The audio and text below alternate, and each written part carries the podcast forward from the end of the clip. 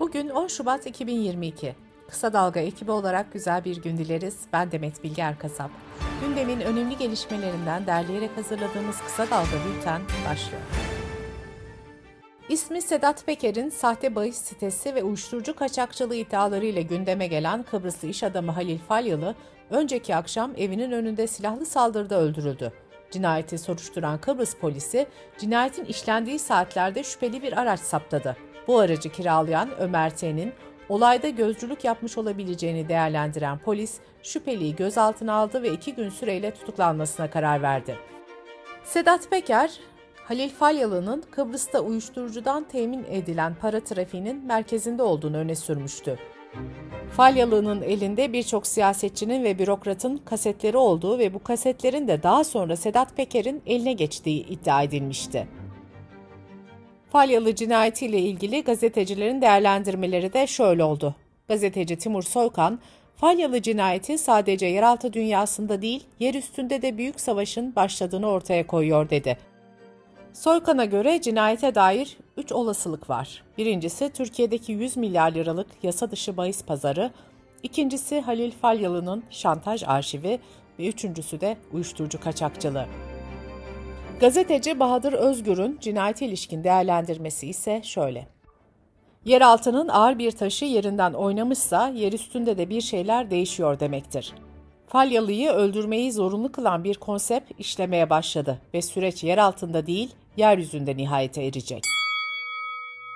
Gündemdeki bir diğer sıcak madde de elektrik faturaları. Her kesimden yükselen itiraz ve tepkiler üzerine iktidarın yeni bir düzenleme yapacağı belirtiliyor. Enerji ve Tabi Kaynaklar Bakanı Fatih Dönmez yeni düzenlemeye ilişkin net bir şey ortaya çıkmadı, olunca açıklayacağız. STK'lardan, küçük işletmelerden talepler var. Ekibimiz çalışıyor, bitince de kamuoyuyla paylaşacağız dedi. HDP'li milletvekilleri ise elektrik üretim ve dağıtım şirketlerinin kamulaştırılması, tüm hanelere ve iş yerlerine 250 kWh elektriğin ücretsiz sağlanması için kanun teklifi verdi. CHP'de Ankara ve İstanbul'da fatura protestosu düzenledi. CHP Ankara İl Başkanı Ali Hikmet Akıllı, elektrik insan hakkıdır, ulaşılabilir olmalıdır derken CHP Genel Başkan Yardımcısı Ahmet Akın da formül ortada bu zamları derhal ama derhal geri çekin diye konuştu. CHP İstanbul İl Başkanı Canan Kaftancıoğlu da 2021 yılının tarifelerine geri dönülmeli, KDV ve ÖTV hiç değilse kış aylarında sıfırlanmalı önerisini dile getirdi. Akdeniz Elektrik Dağıtım AŞ, Isparta'da kar yağışı sonrası 4 gün süren elektrik kesintilerine ilişkin açıklama yaptı. Açıklamada şöyle denildi. Yatırımların denetlenmediği iddiaları gerçek dışıdır. Rutin denetimler yapılmış, hatalı hiçbir işlem bulunmadığından herhangi bir cezai yaptırım söz konusu olmamıştır. CHP Genel Başkanı Kemal Kılıçdaroğlu, MHP lideri Bahçeli'nin CHP ve Millet İttifakı'na yönelik eleştirilerine yanıt verdi. Kılıçdaroğlu şöyle dedi. Bahçeli'nin şöyle bir özelliği var. CHP'nin kendisini hedef almasını ve onunla bir tartışma zemini yaratılmasını istiyor. Bu onun işine yarayacak. Biz ciddiye almıyoruz. İstediği kadar eleştirsin. Saraydan talimat alıyor, talimatın gereğini yapıyor. Radyo ve Televizyon Üst Kurulu üyesi İlhan Taşçı, Rütü'nün ilk kez uluslararası haber siteleri için denetim yetkisini kullandığını açıkladı. Buna göre Rütük, Amerika'nın Sesi, Deutsche Welle Türkçe ve Euronews.com sitelerine lisans için 72 saat süre tanıdı. Bu sürede başvurmayanların erişimleri engellenecek. Rütük üyesi Okan Konuralp karara şöyle tepki gösterdi. Oy çokluğuyla alınan bu karar, SETA'nın 2019'daki fişleme niteliğindeki uluslararası medya raporunun bir uygulamasıdır. Lakin uluslararası medyanın baskılanmasına yönelik bu hamle başarısızlığa mahkumdur. Kocaeli'nde sosyal medya hesabından yaptığı canlı yayın sırasında Alevilere küfürler eden Yakup Tilki gözaltına alındı. Kocaeli Cumhuriyet Başsavcılığı da Tilki hakkında halkı kim ve düşmanlığa sevk etmek suçundan soruşturma başlattı. Akdeniz Üniversitesi'nden 8 akademisyen bu suça ortak olmayacağız başlıklı bildiriye imza attıkları gerekçesiyle 2016'da ihraç edilmişti. İhraç edilen akademisyenlerin şikayeti üzerine Antalya Tabip Odası dönemin Akdeniz Üniversitesi Rektörü Profesör Doktor Mustafa Ünal hakkında 30 gün süreyle meslekten men cezası verdi. Yer bilimci ve bilim akademisi üyesi Profesör Doktor Naci Görür, Marmara'yı bekleyen depremle ilgili çok önemli uyarıda bulundu.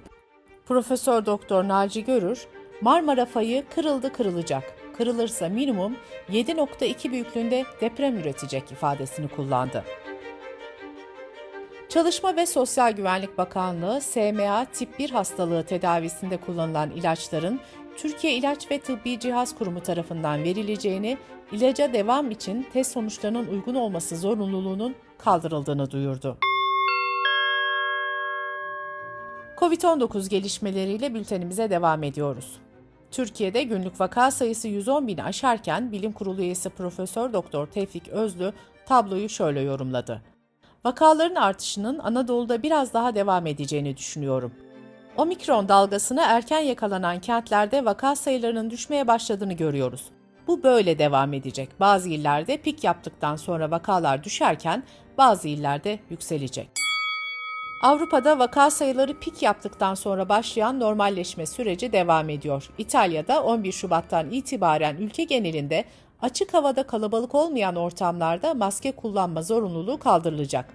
Kapalı alanlarda ise maske kullanımı 31 Mart'a kadar devam edecek. Ülkede 24 Aralık'ta omikron varyantına yönelik tedbirler çerçevesindeki düzenleme ile açık havada maske kullanımı zorunlu hale getirilmişti. New York'taki geyikler üzerinde yapılan araştırmada COVID-19'un omikron varyantına rastlandı. Araştırmacılar virüsün insanlardan geyiklere atık sular veya orman yangınları gibi etkenler üzerinden geçmiş olması ihtimalini değerlendiriyor. Sırada ekonomi haberleri var. Migros'un İstanbul Esenyurt'taki deposunda %8'lik ücret artışına karşı eylem yapan Depo, Liman, Tersane ve Deniz İşçileri Sendikası üyesi 250 işçinin işine son verildi. Sendika Başkanı Neslihan Acar, bir ekmek isteyen işçilerin ellerindeki ekmekler de alındı. Buradaki sesi duyun dedi. İngiltere'nin başkenti Londra'da bankacı ve yatırımcılarla bir araya gelen Hazine ve Maliye Bakanı Nurettin Nebati, gelecek dönemde finansal piyasalara ilişkin önemli bir paketin açıklanacağını duyurdu. Bu paketle birlikte yastık altındaki altını sisteme sokmak istediklerini belirten Nebati, yastık altında 5000 ton civarında altın olduğunun tahmin edildiğini söyledi. Reuters haber ajansının Nebati ile Londra'daki toplantıya katılan iki yatırımcıdan edindiği bilgiye göre hükümet söz konusu paketi hafta sonu açıklayacak. Türkiye Giyim Sanayicileri Derneği Yönetim Kurulu Müşterek Başkanı Ramazan Kaya, baharda giyime %50 zam geleceğini söyledi. Kaya, eskiden tüketici olarak 5 giysiye 20 liradan 100 lira ödüyordunuz, şimdi 2 ürünü 100 liraya alacaksınız. Baharla beraber kesinlikle fiyat artışı olacak. Bu kaçınılmaz. Minimum fiyat artışı %50 olacak, dedi.